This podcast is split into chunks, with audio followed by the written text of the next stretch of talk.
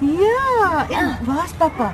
Die grootste deurbraak vir my en my vrou was om te verstaan, om die mindset change te maak van al hierdie sticky notes en die tags en die labels wat op ons kinders geplak word van het hy dit en is hy op daai spektrum en werk hy so en is hy dit en al daai wonder na die scientific proof en om op te hou om die simptome van daai goedjies te probeer navors en te probeer trace maar om letterlik te gaan na die wortel toe en sien okay maar wat was die oorsaak? Hoekom gebeur hierdie goed? En die regte vrae te vra en die oorsaak daarvan te soek en dit te pyl en dit uit te sort want meeste van daai goed lê in die brein en om met die brein te werk want die brein is neuroplasticity en hy kan nuwe breinbane aangeleer word en met die regte stimulasie op frequency, duration en intensity kan jy nuwe breinbane bou en jy kan regtig 'n kind rehabiliteer. So ons fokus absoluut op nie die vrugte nie, nie die simptome nie, maar die wortels van die probleme en help ouers en empower ouers om self daai wortels te kan treat en te kan overcome. Volgens ouers van kinders met spesiale behoeftes is daar verskeie uitdagings waarmee hulle daagliks gekonfronteer word. Ons was letterlik 4 dae week en is hier gewees en hulle haar oorgedoseer. Sy was op 800 mg epilementar per dagkie. So dit het haar sensories dormant gemaak.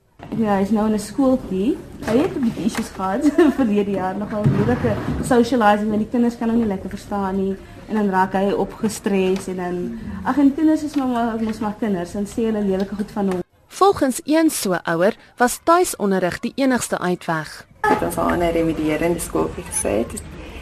En dis my dogtertjie die weakest link en toe was sy baie afgeknou deur die onderwysers en die kinders. So kinders kan koop met kinders wat minus, maar hulle kan nie koop met groot mense met hulle nie. En dit ons begin skool. Dit plaas ook finansiële druk op gesinne van kinders met spesiale behoeftes. Hierdie maand elke maand ek kursus doen maar en pa maar pa moet werk. Ja. Oor ons skool ja. en inkomste. Ja. So ek word toe gestel om my tyd en tyd te kry. Viljoen moedig ouers aan om nie moed op te gee nie. Ek wil regtig ouers en encourage en sê moenie moenie laat jy geboelie word nie. Moenie dat hoop van jou geroof en gesteel word nie. Want dit is iets wat kosbaar is en dis iets wat uniek is tussen jou en jou kind en julle moet saam groei daarin. En moenie ophou soek nie. Want ek dink een van die goed wat ons inspireer is as ou eers sien hoe jy die waarheid oor jou en jou kind vasvat en dan met dit begin beweeg en dan resultate kry. En veral resultate wat mense gesê het jou kind sal nooit kan doen nie, sal nie kan nie, mag nie, sal nooit nie.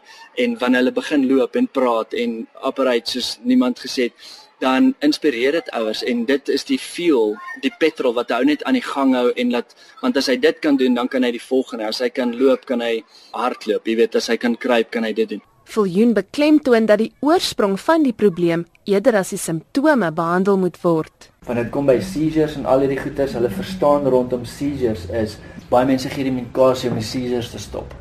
Niemand vra vir jou wat's die oorsprong hoekom my kind seizures. En sy gesin het die vrugte daarvan gepluk. Letterlik in Suid-Afrika het hulle vir ons gesê Hy kan kan nie hoor nie, kan nie sien nie, kan nie hy kan nie kan nie kan nie low muscle tone, hy gaan in 'n rolstoel wees. Maybe sal hy vir homself 'n broodjie kan maak as hy 30 is. Maybe. En hy sal in 'n rolstoel hy sal nie kan operate nie. Ons het toe in 4 maande se tyd meer resultate met al 4 kinders as wat ons in 2 jaar se konvensionele terapie gehad het. San Marie Smith is die ma van 'n tweeling wat serebraal gestremd is. Sy is bemagtig deur self intensief met haar kinders te werk deur hulle breinfunksies waar die oorsaak van die simptome is te ontwikkel. Ons het soveel vonnisse gekry oor die kinders, serebraal gestremd, epilepsie, sal nooit funksioneel kan loop nie, sal nooit funksioneel kan praat nie. En binne in my het ek geweet there's got to be more. En toe ons hoor van die program en ons begin die goeders toe te pas, was ons absoluut oorweldig geweest deur die resultate. Ons het binne die eerste maand waar ons kinders op 5 jarige ouderdom glad nie kon loop of staan op hulle eie nie, het hulle begin staan vir die eerste keer, 'n maand later hulle eerste tree begin gee. So dit het ons lewens radikaal verander. En ek wil net vir mamma sê en vir ouers daar buite met special needs kinders, daai gevoel wat jy het van daar is meer moet dit nooit onderdruk nie en moenie dat die mense vir jou sê jy moet vrede maak met hoe dit is nie.